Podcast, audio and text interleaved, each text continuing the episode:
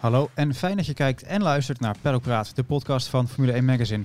En ik zeg inderdaad kijk en luistert, want je vindt Peddelpraat behalve in je favoriete podcast-app tegenwoordig ook op YouTube. Mijn naam is Daan Geus en vandaag in de studio Frank Woestenburg, chef redactie en verslaggever bij ons mooie magazine. Frank, goedemorgen. Hi. Mike Mulder, ook aanwezig, redacteur, verslaggever, social media guru. Wat doe je eigenlijk niet? Geen idee. Goedemorgen. Goedemorgen. En uh, podcast uh, vaste tafelgast Ja. natuurlijk. Ja, en ook een vaste gast eh, mag ik inmiddels wel zeggen. Misschien zelfs een, eh, een vriend van de show, zoals het dan in de radiowereld heet. Eh, Jeroen Blekemolen, uiteraard bekend als internationaal topcoureur en ook steeds bekender als analist en eh, commentator, toch? Ja, ja, eh, van, ja, van alle markten thuis een beetje. Maar goed, eh, het race eh, is nog steeds eh, het mooiste. Ja, en, en daarover, jij zei net, je hebt een aparte statistiek wat betreft het, eh, het Circuit of the Americas in, eh, in Austin. Ja, nou goed, ik heb er een keertje 4, 5 gewonnen, denk ik. Een keer een 24 uur race, een aantal IMSA-wedstrijden. Dus eh, ja, ik heb er vaker gewonnen dan Max Verstappen. Niet, eh, ja, ik bedoel, niet, niet, niet in dezelfde klasse. Dus dat Ja. zeiden mijn kinderen ook meteen. Ja, maar hij rijdt Formule 1 en jij niet. Dus eh, weet je, toen was, stond ik meteen weer met mijn voet op de grond. Zeg maar. Ik ben ook benieuwd of je dat over tien jaar nog kan zeggen, als ik zie hoe het gaat. ja. Dat, goed, ja, we hebben het er inmiddels eh, genoemd. Hè. De, de, we waren natuurlijk afgelopen weekend in Austin voor de, voor de Grand Prix van de Verenigde Staten, zoals het officieel heet. Eh, gezien hoe spannend de race was, eh, mag ik dit cliché denk ik toch alweer gebruiken. Want volgens mij was het wel echt een Texaanse thriller, of niet, heren? Ja, ik vond, het een, ik vond het een geweldige race. Het dreigde even aan het begin, dacht ik van nou, dit wordt misschien wel een slaapverwekkende vertoning. Toen Max zo dominant was, maar er, er gebeurde daarna van alles. En eh, in tegenstelling tot eh, de dame die voor de race het volkslied eh, verkondigde, was het, eh, was het eh, genieten geblazen. Ja. Hoe heet die vrouw? Ik heb het opgezocht, hè. Rena Wat Roberts, was dat slecht zeg? die was zo verschrikkelijk slecht. Dus die komt niet in jouw, Rainer Roberts. komt niet in jouw Spotify favorieten. Nee, nee. ik, ja, Mike, wat, eh, wat sprong er voor jou eh, uit? Nou, eh Lance Stroll maakte, het nog, maakte er een mooie show van.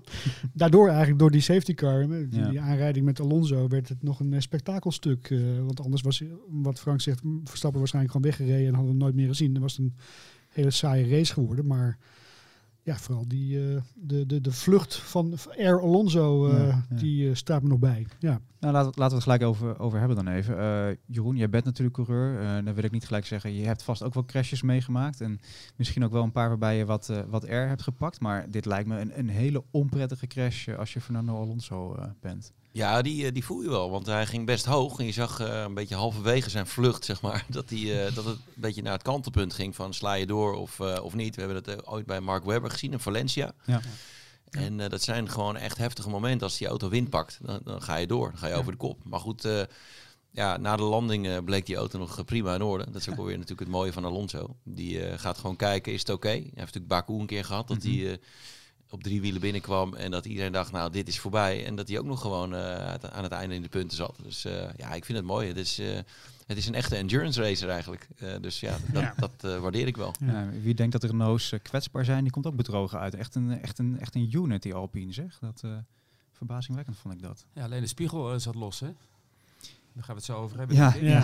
we, kunnen, we kunnen het nu wel even over hebben. Want uh, ja, Alonso reed dus nog een hele knappe race. Uh, haalde nog gewoon punten. Maar na de race kwam een protest van het team van, uh, van Haas. Dat dit jaar zelf een paar keer is ja. Ja, aangepakt met uh, de gehaktbalvlag, zoals die heet. Voor een, uh, ja, een auto met, met schade waarvoor je naar de pits moest. En uh, Alonso werd niet naar de pits geroepen. En heeft dus later nog een flinke tijdstraf gekregen, toch Frank? Ja, ik vind, ja, nou ja, ik vind het een belachelijke uh, straf. Hij kreeg 30 seconden, hè, waardoor hij mm -hmm. uh, van P7 naar, ik geloof, P15 uh, kwam. Dus, zonder, dus buiten de punten. En dat kan het team natuurlijk zo verschrikkelijk duur komen te staan. Want ze zijn nog in een gevecht gewikkeld met McLaren in het constru constructeurskampioenschap. En die ene plek, dat, ja, dan, kan, dan heb je het over vele miljoenen. Mm -hmm. En als je dat dan afzet tegen de prijs die de veroorzaker Strol krijgt, kreeg... Die krijgt uh, drie... Uh, drie plekken gridstraf in Mexico. Ja, ja. Ja dat, dat hadden ze Alonso ook kunnen geven natuurlijk. Ja. Even over Stroll, en dan kijk ik toch weer naar jou, Jeroen. onze columnist Jacques Villeneuve, die noemde hem op de, in de column op ja, Formule1.nl. ja, eigenlijk totaal onacceptabel, die actie van Stroll. Hij vindt dat hij zelfs een race geschorst moet worden. Hoe kijk je daar als coureur naar? Want eh, het leek inderdaad op het oog een, een gevaarlijke move met misschien wel de kanttekening die, die Stroll ook maakte. Dat Alonso er ook wel heel close langs ging natuurlijk. Hè? Ja, maar dat is wel wat je als coureur doet. Je wil er zo dicht mogelijk langs rijden. Want je hebt ook een soort van, uh, ja, in Amerika, we waren in Amerika, side draft, zeg maar. Als je naast iemand rijdt, dan heb je ook een soort van zuiging naast die auto, waardoor iemand makkelijker voorbij komt.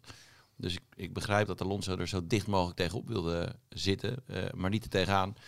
Ja, uh, je moet gewoon op een gegeven moment dan wel echt je stuur recht houden. Dat is natuurlijk gewoon, het is gewoon echt heel onhandig. En hij heeft het wel ondanks Stroll heeft ook wel een paar hele mooie races neergezet. Mm Moeten we ook niet vergeten. Maar hij maakte ook van die onhandige fouten. En daar was dit er één van. En ja, dat mag best wel gevolgen hebben. Want ja, hier moet hij gewoon, uh, dat moet hij niet vaker doen.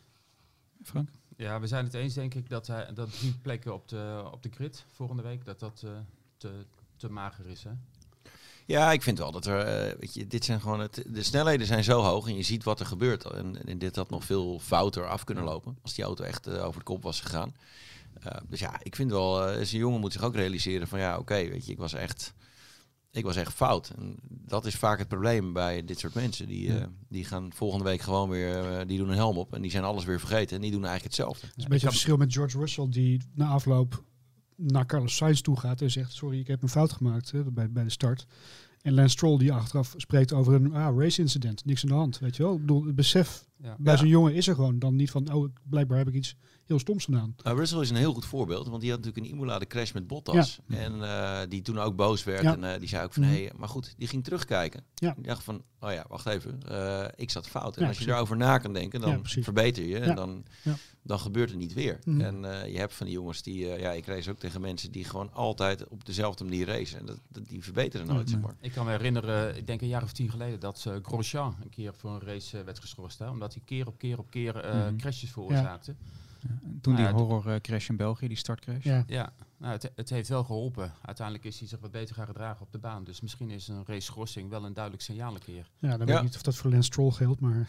misschien bedoel je? Nou ja, precies. Bedoel, dat, dat weet ik ook niet. Ja. Schat de intelligentie van Romain Grosjean iets hoger in dan die van Lance Stroll, ik zeg. Maar goed. Ja, maar hij heeft zijnzelfde ding had hij aan zich plakken. Hij had alleen ja, maar van die gekke waar. acties. Klopt. En uh, uiteindelijk heeft dat wel geholpen. Het is misschien ook wel de leeftijd. Ja. Zijn, zijn er ook coureurs die... Want Bernie Ecclestone zet een keer over Grosjean. Volgens mij heeft hij gewoon niet zo goed zicht uit de zijkant van zijn ogen. Zijn er coureurs waarvan je denkt van die, die zitten qua, qua het inschatten van de ruimte eigenlijk altijd zo verkeerd. Dat, dat, daar moet meer spelen dan alleen maar hè, onwil of hoe je het ook wil noemen. Ja, het zou, zou, zou niet mogen, hè, natuurlijk eigenlijk. Je wordt natuurlijk getest op ja, je ogen precies. en zo, ja. maar ja, ik weet niet uh, hoe streng die controle is bij de, bij de Formule 1. Nee. Uh, onze ogentest stelt niet zo heel veel voor, moet ik eerlijk zeggen.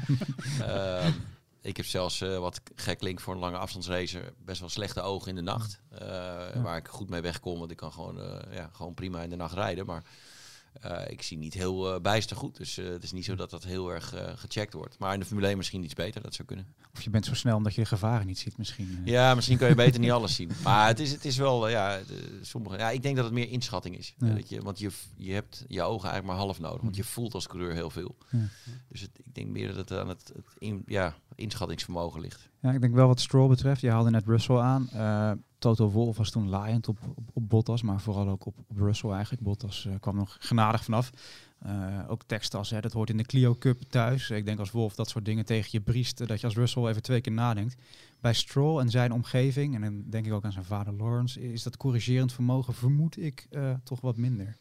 Ja, dat hoort natuurlijk ook bij. In dit verhaal, weet je, het is ja, uh, er moet gewoon inderdaad iemand tegen hem zeggen vanuit het team van hé, hey, uh, luister vriend, dit kan echt niet.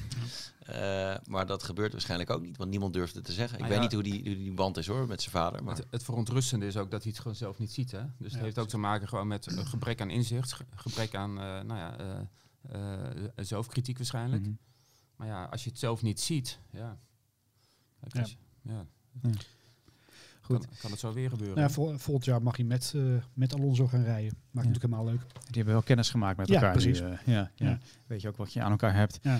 Uh, ja, wie ook altijd heel goed weten wat ze aan elkaar hebben, zijn natuurlijk Max Verstappen en zijn engineer Giampiero Lambiase. gisteren leek het toch af en toe even wat ruis op de lijn. Want ja, Verstappen won de wedstrijd uiteindelijk op een hele knappe manier. Maar dat ging wel naar een, ja, een soort lastig voortraject met een slechte pitstop natuurlijk ook. En ik had toch wel het gevoel dat Verstappen daarna een beetje ge, ja, gemanaged moest worden door, door GP. Hoe hebben jullie dat gezien? Ja, er was even wat, wat, wat ruis op de lijn, zoals je zegt. Uh, heel goed. Uh, Ja, dat was een beetje een cynische opmerking van, van Verstappen over het bord. Van jongens, ja, echt Briljant. wonderful, Ja. goed gedaan hoor, top. Ja, het is logisch dat hij dat in, in het heetst van het moment zegt. Alleen het is natuurlijk niet heel erg collegiaal naar het team dat jou het hele jaar vooruit probeert te pushen. En dat Lambiasse dan, eh, die ik overigens ken als een hele kalme, rustige man, daar eventjes op reageert. Ja, dat kan even gebeuren natuurlijk. Eh, ja, moet ook niet al te veel achterzoeken lijkt me. Nee, Het is nee. eventjes in de heat of the moment en, eh, en eh, move on dan Ja. weer. Wat vonden we verder van zijn inhoudrace daarna? Want je zag echt dat hij dat hij die, die drive had die hij soms, soms dat, he- krijgt dan hè, in één keer. Dat, die extra versnelling lijkt het wel. Jeroen? Ja, goed. Nou, ik vind sowieso eh, eh, dat hij daarop reageerde. Hij mag best wel eh, daarop reageren. En eh, dit is ook omdat het gewoon een killer is. Zeg maar. hij, hij wil gewoon winnen. En als iemand een fout maakt, dan mag hij dat eh, best te weten Ja. krijgen. Ehm, en ja, daarna deed hij het gewoon fantastisch. Ik zei eigenlijk al met een rondje of 15 te gaan van... eh, die gaat gewoon die race makkelijk winnen. Nou, het werd niet eens heel makkelijk, maar Nee. eh, het werd nog redelijk makkelijk. Omdat hij toch wel ja, al vrij snel erachter zat, er voorbij kwam. Max twijfelt niet, dat weten we ook. En dat is wel weer het mooie als je het vergelijkt en afzet tegen andere coureurs. We hadden natuurlijk Leclerc en Perez die verder van achteren moesten komen. Als je ziet hoe voorzichtig die inhalen en hoe ze nadenken of ze er wel of niet voor gaan. En je hebt op Kota heel veel van die bochten waar, je, ja, waar het heel breed is. eh, waar je hard moet afremmen. En ja, Verstappen gaat er gewoon meteen voor. En eh, ja, dat is gewoon eh, ongelooflijk. Daar is hij zoveel beter in dan de rest. Wat ik me wel afvroeg, want dat zag je vooral bij Leclerc. En dat hebben we eerder dit jaar gezien. Is, er zijn nog van die momenten dat Verstappen heel laat en diep inremt. Dat was nu ook weer zo. En dan kruist Leclerc achterlangs. En ik vraag me af, is dat nou iets... Zou hij nou bewust denken van, weet je... Ja, Max die is zo aanvallend, zo agressief met inhalen. Laat ik nou proberen de slimmere te zijn. Zou dat een bewuste strategie zijn van, eh, van Leclerc? Ja, je gaat zeker nadenken van hoe eh, moet ik dit verdedigen. Er was overigens vanuit Amerika veel, eh, zeg maar de, vanuit de Amerikaanse autosport heel veel kritiek op de Formule 1 over dat bewegen onder het remmen. Ehm, eh, ze racen daar heel anders. In Amerika is het wel meer van je houdt je lijn eh, en je gaat zeker niet meer bewegen tijdens het remmen. Ik heb er zelf ook wel problemen mee gehad. Dan werd je echt eh, als Europeaan gezien die gewoon toch wat harder race, wat, wat Mhm. wat smeriger, zeg maar, wat trucjes uithaalt. En eh, ja, die Amerikanen hadden het daar echt over na deze wedstrijd. Maar ja, ik vind dat het er wel een beetje bij hoort. Je mag de grens opzoeken. Je hoeft niet eh, altijd eh, de braafste van de klas te zijn. Het moet alleen niet te ver gaan. Maar ik vond gisteren, ik heb geen hele gekke dingen gezien. Eh, maar wel op het randje. Frank, nog iets toe te voegen? Nou ja, eh, op die manier onderscheidt Max zich ook natuurlijk. Hè, door altijd eh, de grens op te zoeken. En eh, je had het net ook even over de naam van Perez. En ik ben zelf geen, geen fan van Perez, moet ik zeggen. Zowel qua coureur niet als ook qua, nou ja, qua mens vind ik er wat minder geschikt. Alleen laatst werd natuurlijk ook bekend dat hoe die, Norris, dat Mhm. hij eerder dit jaar in gesprek is geweest met, Ja. met Red. Bull voor het tweede stoeltje naast Max. En zelf denk ik dat het een fantastisch duo was geweest. Norris en Verstappen bij één team. Alleen ik ben ook wel benieuwd eigenlijk hoe Jeroen erover denkt. Van hoe, eh, hoe hoog schat jij eh Perez in als, eh, als coureur, als teamgenoot? Ja, nou goed, hij valt ook gewoon eh, door de mand uiteindelijk. net als elke teamgenoot die we tot nu toe gezien hebben. Ze gaan allemaal kapot naast Max. En het is ook gewoon moeilijk, want je komt altijd tekort. Week na week. En dan op een gegeven moment gaat het gewoon mentaal, eh, dan ga je, Ja. word je gewoon slechter. Ja, Ricciardo ging niet kapot, maar die koos op een gegeven moment eieren voor zijn geld natuurlijk. Omdat hij wist, nou ja, Mhm. ik word wel langzaam maar zeker de Ja, rijder hier. maar die had ook geen jaar meer overleefd daarnaast. Die was ook eh, uiteindelijk ook kapot gegaan. Want die, die begon steeds vaker te verliezen. Die had in het begin echt nog wel eh, goede kwalificaties, af en toe goede races. Eh wist natuurlijk toen op Monaco te winnen, wat eh, denk ik wel een grote boost was. Maar uiteindelijk eh, was die ook eh, eronder gegaan. Ik denk dat Norris daar ook niet heel goed was uitgekomen als hij naast de eh, Verstappen had. Niemand kunnen naast zetten, denk Mhm. ik. Iedereen wordt weggevraagd. Het hele team is rondom Verstappen gebouwd. En daar gaan ze natuurlijk ook nooit van afwijken. Ik bedoel, je kunt daar met de vuist op tafel slaan. Wat Perez dit jaar ook één of twee keer heeft gedaan. Van jongens, nu is mijn tijd. Naar Monaco bijvoorbeeld. Mhm. Uh, uh, gaan we niet doen. Dit is eh, de, de, de Verstappen machine. En eh, daar heeft een tweede rijder alleen maar een eh, reserverol in. En eh, een rol op het, op het bij- bijtoneel, zou ik maar zeggen. Dus ik denk zelfs, zelfs een Norris daar, of een Leclerc of een George Russell, daar ook niet aan bod zou zijn gekomen. Nee, dat klopt. Iedereen heeft het natuurlijk moeilijk naast, eh, Ja. naast Max, want het is een coureur van de buitencategorie. Ja, precies.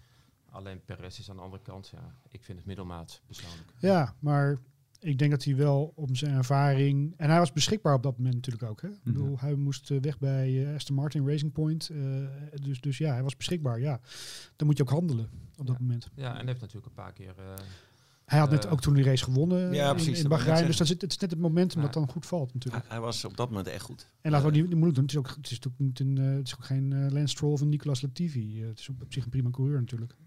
Nee. Wat ik me wel bij Norris altijd afvraag is, hè, als je het ook over de mentale aspecten hebt van het naast Verstappen rijden.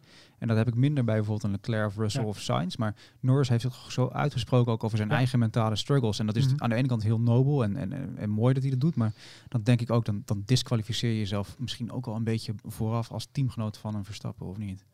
Ja, misschien wel. Ja. Ja. Ik bedoel, eh, je, je moet wel heel sterk zijn. Eh, maar goed, ik vraag me altijd af. Weet je, Verstappen die staat eigenlijk, er stond nog een mooi statistiekje, die staat eigenlijk altijd in de top drie. Volgens mij Mhm. 15 keer achter elkaar nu of zo.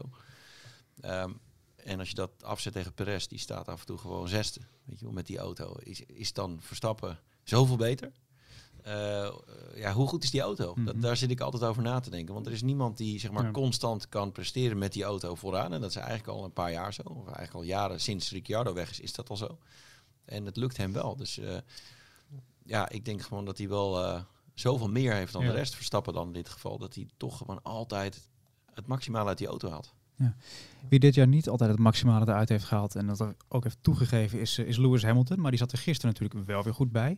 Ook bij hem zie je vaker dat als er een kans is dat er toch iets, iets, iets in hem wakker wordt en dat hij wat meer kan. Maar het duel met Max was eigenlijk op, ja, op voorhand al verloren, toch? Die Mercedes. Want het, het tempo, vooral op de rechte stukken, is, is toch wel echt te min om echt serieus voor de zegens te vechten tegen zo'n Red Bull, of niet?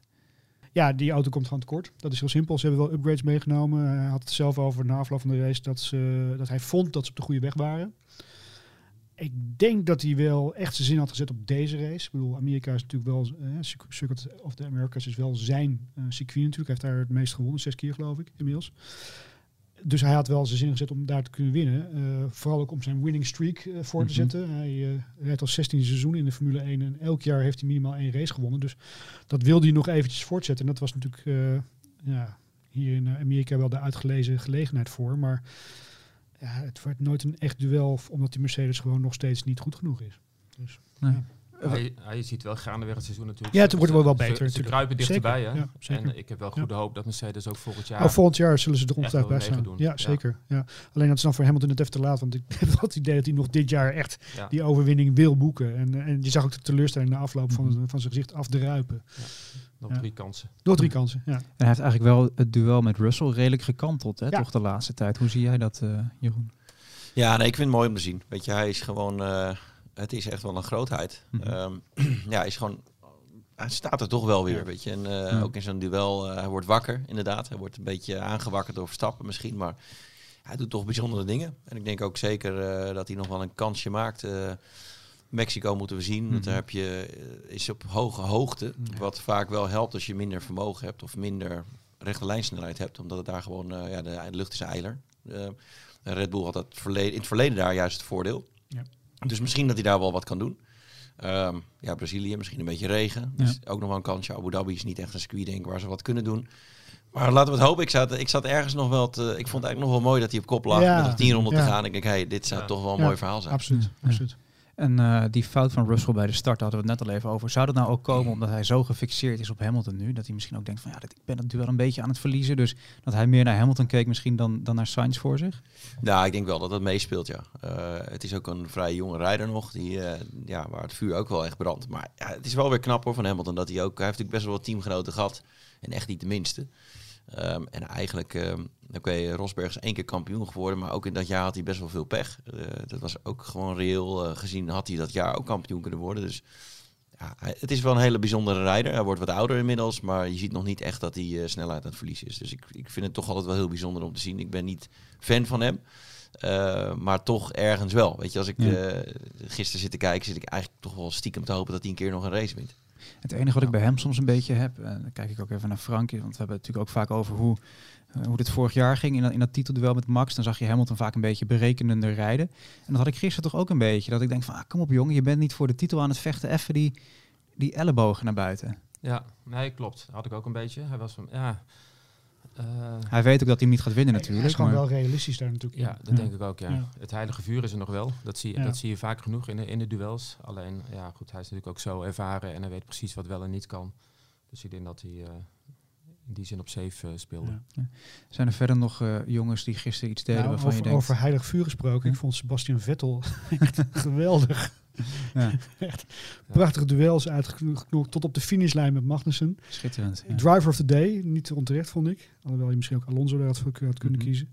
Maar dat, ja, nee, prachtig. Ik bedoel, eh, die heeft nog vier races stralen en die denkt van ik ga nog eventjes hier alles eruit halen wat erin Ja. zit. Fantastisch. Ja, Eigenlijk sinds hij zijn pensioen heeft Ja. aangekondigd, laat hij steeds Ja. meer redenen zien Ja. om hem te gaan missen. Hè? ja absoluut. Ja.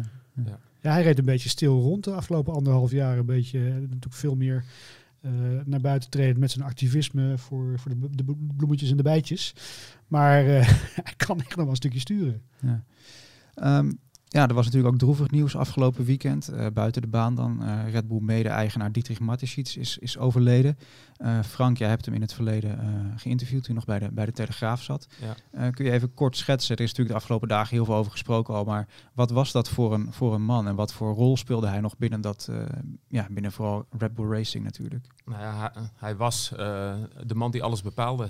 Hij is natuurlijk de, de medeoprichter en eigenaar van, eh, van Red Bull. Eh, enorme passie voor sport. Niet alleen motorsport, maar ook, eh, ook andere sporten. En hij bemoeide zich overal mee, in ieder geval met de belangrijke beslissingen. Want nou ja, ook het contract van Max bij Red Bull of in eerste instantie bij Toro Rosso. Uiteindelijk is het dan Mateschitz zelf die zijn fiat geeft. En dat, dat niet Helmut Marco, maar Mateschitz zelf. Ja, en nou, toen ik hem interviewde, dat was in 2017. Eh, nou, dus eigenlijk eh, nog, ja, Max reed natuurlijk al, eh, al fenomenaal. Alleen hij was wel een fan van Max van, van het eerste uur. Juist vanwege zijn agressieve manier van rijden en eh, eh, de grenzen willen opzoeken. Soms eroverheen om maar succesvol te zijn. En zo zat Mateschitz zelf ook wel een beetje in de wedstrijd. Ja. Dus eh, ik vond het een hele, hele bijzondere man, moet ik zeggen. Wat- Wat zou het nou voor die twee teams betekenen? Dat, oké, hij had niet dagelijks controle over de renstallen natuurlijk, maar er valt toch wel even iemand weg binnen die organisatie. Ja, nou ja, hij heeft natuurlijk in het verleden, toen Red Bull het moeilijk had met die Renault-motor, toen dreigden ze meer dan eens, Mhm. waarschijnlijk ook eh, eh, eh, vanuit strategisch gedacht, om de Formule 1 vaarwel te zeggen. Maar ja, daar is nu geen reden voor natuurlijk. Hè. Ze, ze staan bovenop de Olympus. En ik denk ook dat ze het allemaal een beetje als een, nou ja, het, het is toch een beetje het levenswerk van hè, om zo- om zo'n merk neer te zetten, ook met al die marketingactiviteiten, met activiteiten in de auto- en motorsport. Dus en dat, dat zullen ze echt wel voortzetten, zeker nu. Jeroen, je hebt natuurlijk bij, bij talloze teams eh, gereden. Ik hoop dat je zoiets niet hebt meegemaakt in die zin. Maar als er zo'n eh, ja, zo'n zo'n leemte valt binnen zo'n organisatie, wat kan dat voor een, voor een renstal in, intern betekenen? Gaan er dan in één keer eh, piketpaaltjes opnieuw geslagen worden? Of eh, hoe werkt dat? Ja, dat is gewoon moeilijk te voorspellen. Het is natuurlijk maar net wie, wie het echt over gaat nemen. Zijn zoon is een beetje erbij betrokken geraakt inmiddels. En ja, ik hoop ook dat, het, eh, dat de gedachte van hem een beetje voort gaat leven. Eh, wat Red Bull heeft gedaan in de sport is ongelooflijk qua, qua marketing. Hebben ze hebben zoveel van hun omzet teruggestort eh, ja, in, in sport, al in het algemeen. Niet alleen Formule 1 natuurlijk. En allerlei gekke acties uitgehaald. En ik hoop dat dat er, erin blijft. En dat het eigenlijk geen invloed mag hebben op de Formule 1. Maar ja, het is ook niet eh, ondenkelijk dat er uiteindelijk iemand gaat zitten die zegt van ja, maar twee Formule 1 teams, wat hebben we daaraan? Eentje kan wel weg. Of eh, hè, dat het zo begint en dat het uiteindelijk over tien jaar heel anders eruit ziet. Dat, dat kan ook gebeuren, maar eh, hopelijk hebben ze wel zijn gedachte van ja, dit moet gewoon eh, voortgezet worden. Juist in deze tijd dat die sport zo populair is natuurlijk. En, eh, zou je denken dat die marketinggedachte van Red Bull, die fun factor die ze hebben teruggedacht, ook eigenlijk heel goed aansluit bij, bij wat, wat eh, Liberty Media denk ik voor ogen heeft, of niet, eh Mike? Ja, zeker als je een, een markt als Amerika wil veroveren. Red Bull wil daar natuurlijk ook voet, vast goed voet aan de grond hebben in Amerika. Nou ja, je ziet afgelopen weekend hoe die, eh, Mhm. hoe die USGP is beleefd. 4.500 man op de tribunes over drie dagen. Eh, we krijgen Las Vegas erbij. Dus eh, Red Bull zit op dit moment natuurlijk echt gewoon in de, in, in de, in de hot seat om daar om, om in, in, in navolging daarvan ook Amerika te veroveren. Dus er is geen enkele reden voor het merk om nu uit te stappen of om het anders te gaan doen. Eh, sterker nog, ze hebben de, de meest eh, populaire coureur inmiddels in, in huis, ook in Amerika. Volgens mij is Max Verstappen inmiddels in populariteit Lewis Hamilton wel eens een beetje voorbij daar ook. Dus, dus ja, het, het, het gaat natuurlijk wel erg voor de wind op dit moment Red Bull. Maar wat, eh, wat Jeroen zegt, ja, je kan niet over tien jaar kijken. Ik neem aan dat Mateschitz, die was, is natuurlijk ernstig ziek geweest, Mhm. voelde ook wel zijn einde naderen. Die heeft natuurlijk alles ongetwijfeld heel goed vastgelegd in ook wat er met dat team moet gaan gebeuren in de toekomst.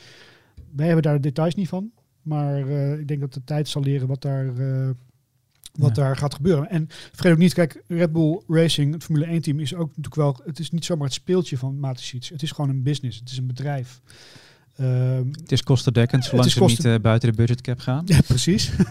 dat moet ook nog even. Gaan we ook Even zo. precies. ja. Dus, dus het, is, het is wel gewoon ook een bedrijf dat zichzelf kan bedruipen met een eigen eh, eh, directie, met een eigen organisatie erachter. Dus het is niet iets wat waar morgen of overmorgen de stekker uit wordt getrokken natuurlijk. Interessant, André Venema, onze hoofdredacteur, en ik waren in, eh, in Japan. En eh, ja, we wisten natuurlijk al dat Matic iets Ja. ziek was. En we spraken met iemand eh, ja, die wel de nodige kennis heeft van het Red Bull Imperium. Maar die zei ook dat inderdaad er wel plannen gemaakt zijn, uiteraard, door Ja. Matic voor de komende jaren. Dan moet je echt aan de vijf tot tien jaar denken. Ja. Maar ik blijf het toch wel opvallend vinden dat blijkbaar Matic wel degene was die zo ja, inzette op die Porsche-deal die uiteindelijk niet is doorgegaan. En dan vraag je toch af van, ja, in, in welke mate zouden zijn plannen nog veranderd zijn in de laatste weken? Maar ja, dat zullen we niet weten natuurlijk. Nee. Maar, Nee. eh, het is aan, eh, aan Horner en Marco om dat eh, verder te runnen. Mike, jij noemde net even Amerika al. Er is ook weer ontzettend veel over gezegd en geschreven natuurlijk de laatste dagen over hoe de Formule 1 Amerika eh verovert. Dus we hoeven er niet heel erg de diepte in te gaan. Maar ik vond het wel bizar om te zien dat er volgens mij 440.000 man Ja. en vrouw aanwezig waren afgelopen weekend. Ik denk eigenlijk, we hoeven de vraag niet eens meer te stellen, toch? De Formule 1 heeft Amerika toch gewoon veroverd? Ja, lijkt me wel. Ja, dit is eh, eh, letterlijk Drive to Survive wat daar is gebeurd. Ja. Eh, die hebben, de Amerikanen kenden de Formule 1 niet echt goed. En eh, toen kwam die, die serie. En eh, daardoor is het gewoon eh, echt omhoog geklapt. En eh, ook wel een beetje Max Verstappen erbij. Dat Ja. kun je toch ook wel zeggen. En die heeft veel fans daar. Maar ik heb het zelf gemerkt als ik daar kwam om te racen. Mensen begonnen er allemaal over. Mhm. Ook gewoon eh, als je in een restaurant zat ergens eh, met een niet-race fan. Dus eh, het is een combinatie van dingen. Maar eh, Netflix heeft daar wel heel, veel, heel erg aan bijgedragen. Ja, ik vind het ook mooi dat ze zoals dit jaar twee races op de kalender hebben. Hè? Ja. In, eh, in Austin en Miami. En eh, twee vind ik prima.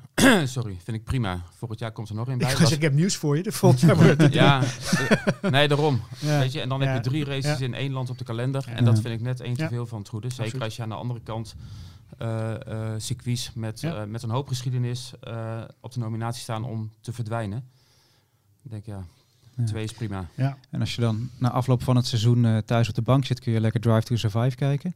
En dan kun je daarna gelijk door naar de bioscoop. Want er komt ook een grote Hollywood film aan natuurlijk met eh, ja, Brad Pitt die En een Brad rol erin gaat spelen. Echt waar? Die, die, was, die echt niet te missen afgelopen weekend. Hè. Die liep er als een soort, hemel. als een soort show geklede presidentskandidaat iedereen de hand eh, te schudden. Ik, dacht, ik denk dat hij het bordje entry pit, pitlane zag staan en dacht dat het zijn eigen straat was of zo. Ik weet niet, maar Nou, dat hij is echt overal. eh, veel commentaar gehad, hè, omdat hij eh, op de grid eh, Martin Brundle niet eh, Ja. herkennen of niet te woord wilde staan. Doodzonde. Oh.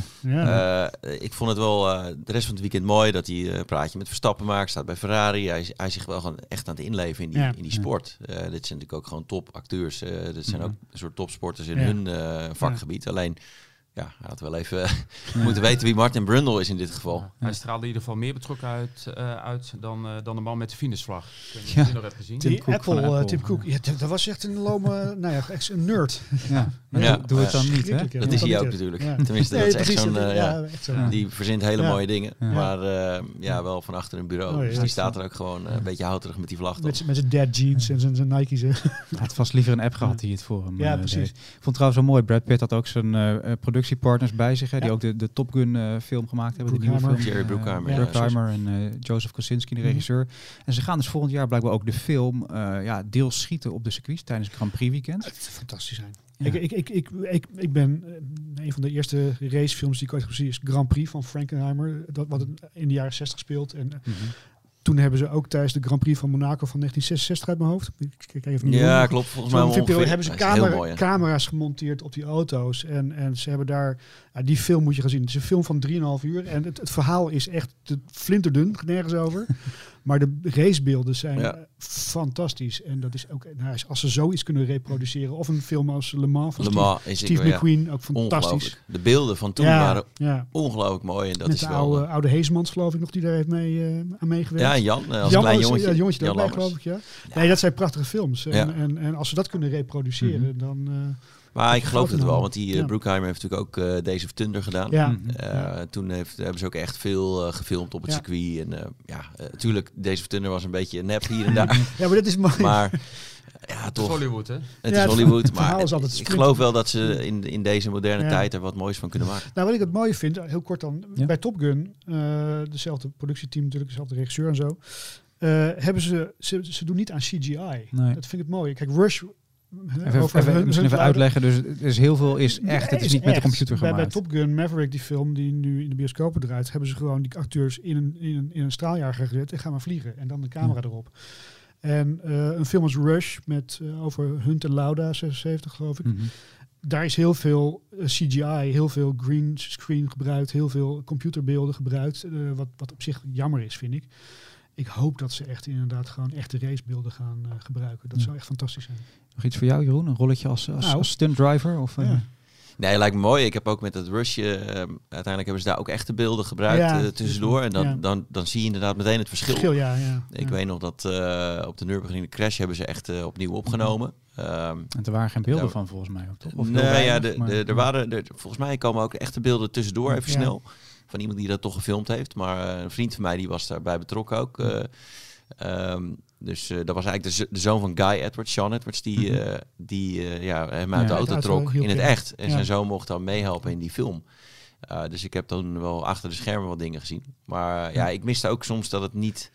Ja, het, af en toe zijn er beelden dat je denkt van die ja, dit in is- de laatste race in Japan, dat, dat zie je toch echt wel dat het CGI is. Dat het, dat het niet echt is inderdaad. Dus, maar genoeg erover. We gaan het, Het, eh, het zal in ieder geval volgen. beter worden dan eh, de IndyCar film eh, Driven. eh. ja, ja. maar Stallone. ik, hoor hier al wel een mooie podcast special voor de winter. eh dan mag Jeroen ook weer aanschrijven voor eh, gaan we de- racefilms doornemen. De kijktips. Ehm, Jeroen, over, over tips gesproken en kijktips. Eh, we gaan volgend weekend natuurlijk naar Mexico. Jij hebt daar eh, wel eens gereden. Heb je alleen op de oude baan gereden of ook op de nieuwe eh, configuratie? Uh, nou, wij reden met de A1 Grand Prix daar, een aantal jaren geweest. Um, en wij reden niet het stadion in, eigenlijk een heel klein stukje. Uh, we hadden wel een chicane, zeg maar, dat je even dat stadion in en meteen weer uitreed. Uh, dus dat hele stadiongedeelte, dat was er toen nog niet. De rest van de baan is gelijk.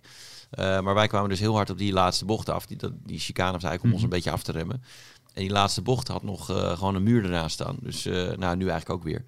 We hebben daar in het verleden ook grindbakken gezien en zo. Maar was wel een, het is wel een hele gave baan. Was ja. toch wel uh, een van die circuits waar ik, uh, waar ik uh, achteraf wel ja, echt van genoten heb. Ja.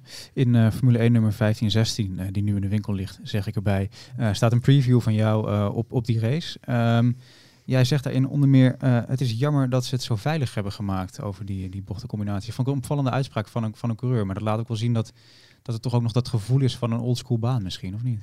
Ja, dat, dat, dat was het zeker. Dat is wat minder geworden. En natuurlijk ook al die S'en zeg maar voor, die, um, uh, voor, voor het stadion. Mm-hmm. Daar heb je nu ook ruimte om even ernaast te gaan. En dat was uh, in het verleden ook gewoon grind en gras en zo. Dus als je daar eraf ging, en het was echt hoge snelheid. Het wordt steeds sneller, zeg maar. Al die bochten worden steeds sneller. Ja, dan had je een probleem als je daar uh, een foutje maakte. Dus dat mis ik een beetje. Die laatste bocht was nou ook echt niet normaal zo snel. Mm-hmm. Is hij nog steeds. We zien daar natuurlijk nu ook nog wel klappers, omdat de muur aan de baan staat. Uh, maar ja, ik, ik ben altijd wel van mening dat het toch wel een beetje, weet je, een foutje mag wel uh, uh, een beetje pijn doen, zeg maar. En dat is wat Villeneuve ooit zei mm-hmm. ook. maar ik, ben, ook, ik deel die mening wel. Natuurlijk, het moet veilig zijn.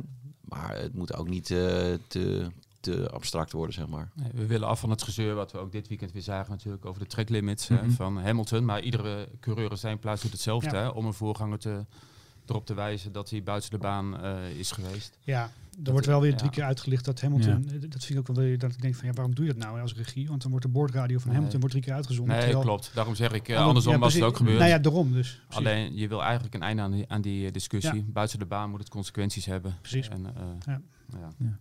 We hadden het net al even over de ijle lucht en wat dat doet voor uh, de auto's en de motoren. Maar merk je daar als coureur nou ook veel van? Want ik weet, misschien dat Frank dat kan beamen. Als je in Mexico bent, dan loop je over zo'n grote trap, uh, moet je langs de tribunes en dergelijke het circuit op. En dan denk je ook al van, volgens mij ben ik uit vorm, want het is wel even pittig uh, dit. Nee, dat kan ik niet beamen. Ik ben, nou, jij bent in vorm. Ik ben de topvorm altijd. alleen ik, alleen ik. Nou, maar je merkt het wel met rijden. Hoor. Want ik, ja? met die A1 in de tijd uh, merkte ik dat je gewoon, je hebt gewoon veel minder vermogen. Hè, want je hebt minder zuurstof in de lucht. Dus de verbranding van die motor is heel anders. Uh, wij moesten echt met meer gas uh, de start doen bijvoorbeeld, want anders mm-hmm. sloeg hij gewoon af.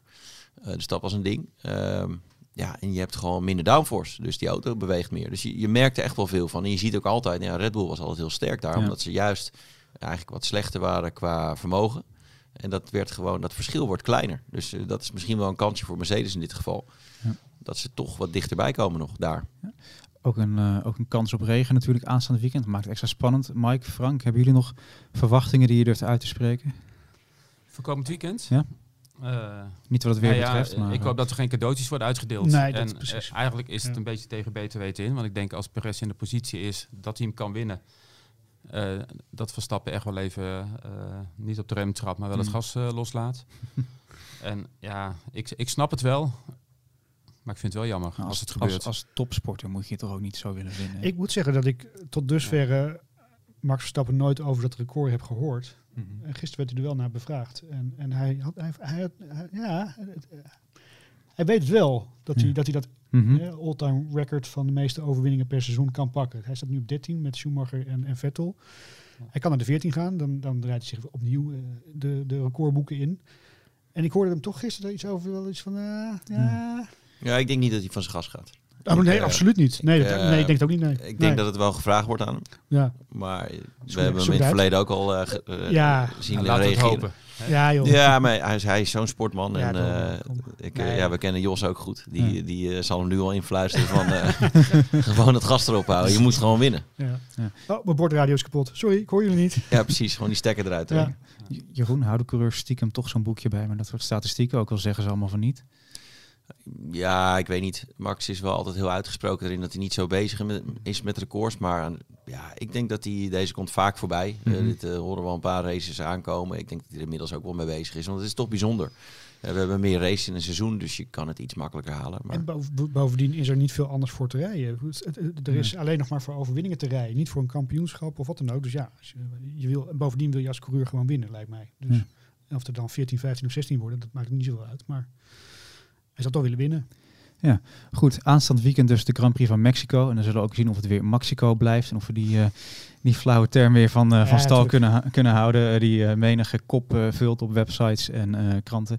Ehm, ja, uiteraard alles in de aanloop en tijdens het weekend kun je volgen op formule1.nl en de sociale kanalen. Wij zijn er dan ook vrijdag weer met een nieuwe aflevering van, van Paddock Praat. voor nu namens ons bedankt voor het luisteren en of kijken. En zoals altijd gaan we eruit met de, de column van Koen Vergeer. De uitloopstrook van Koen. Misdaad en straf. Bijna, bijna, bijna, bijna begon ik het Lewis Hamilton te gunnen. De overwinning lonkte zo waar. Ik gunde het zelfs Toto Wolf. Omdat hij in Amerika eindelijk iets verstandig zei over die slepende budgetcap-affaire, Cashgate. Toto vindt geheel terecht dat Red Bull, als het de regels overtreden heeft, een straf moet krijgen. Maar dat de wereldtitel van Max daarbij niet ter discussie mag staan. Heel juist, Toto. Want al die zuigers van de laatste weken, je hoorde ze al rekenen.